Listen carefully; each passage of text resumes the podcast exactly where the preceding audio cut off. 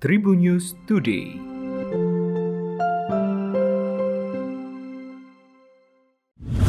Apa kabar Tribuners? Berjumpa kembali bersama saya Devi Rahma di Tribun News Today.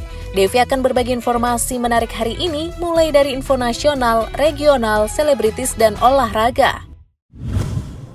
Satu di antara pasien yang meninggal akibat COVID-19 varian Omikron belum melakukan vaksinasi, baik itu vaksin dosis pertama maupun dosis kedua.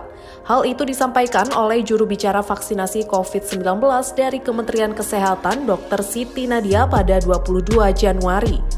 Diketahui, pasien tersebut berjenis kelamin laki-laki berusia 64 tahun dan belum mendapatkan vaksin. Sementara itu, satu pasien lagi meninggal dunia akibat memiliki riwayat multikomorbid. Pasien tersebut diketahui memiliki riwayat hipertensi dan diabetes mellitus. Dengan adanya dua temuan pasien meninggal dunia akibat Omikron ini, pemerintah telah mengupayakan adanya evaluasi selama seminggu sekali. Komite Nasional Kecelakaan Transportasi KNKT menemukan sejumlah fakta terkait komponen truk yang alami kecelakaan di Balikpapan. Menurut investigator KNKT Budi Susandi, terdapat sejumlah temuan awal, seperti adanya modifikasi penambahan dimensi truk. Sebelumnya, petugas KNKT mulai menelusuri tiap-tiap komponen dari kendaraan truk pada Sabtu 22 Januari. Susandi mengatakan pihaknya melakukan investigasi berupa sarana-prasarana. Lebih lanjut, ia menjelaskan beberapa komponen kendaraan menjadi perhatiannya seperti pengereman, Dikatakan setidaknya empat bagian kendaraan yang diperiksa selain pengereman kendaraan.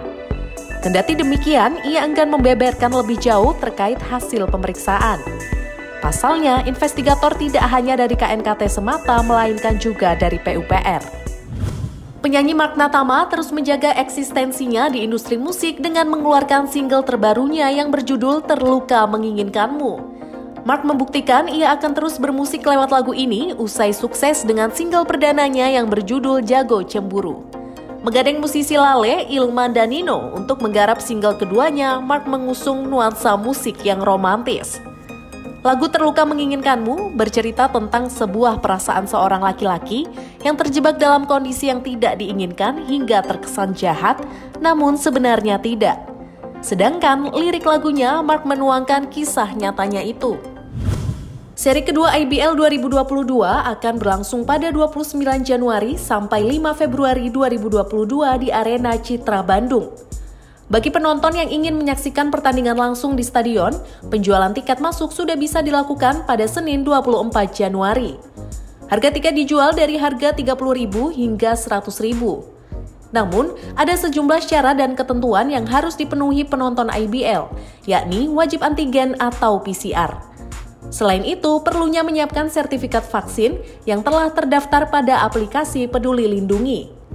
Tidak perlu mencetak tiket maupun hasil antigen dan dilarang mengunggah foto e-voucher di sosial media. Demikian tadi empat informasi terupdate hari ini. Jangan lupa untuk terus mendengarkan Tribun News Today hanya di Spotify Tribun News Podcast dan YouTube tribunnews.com. Saya Devi Rahma pamit, sampai jumpa. Tribun News Today.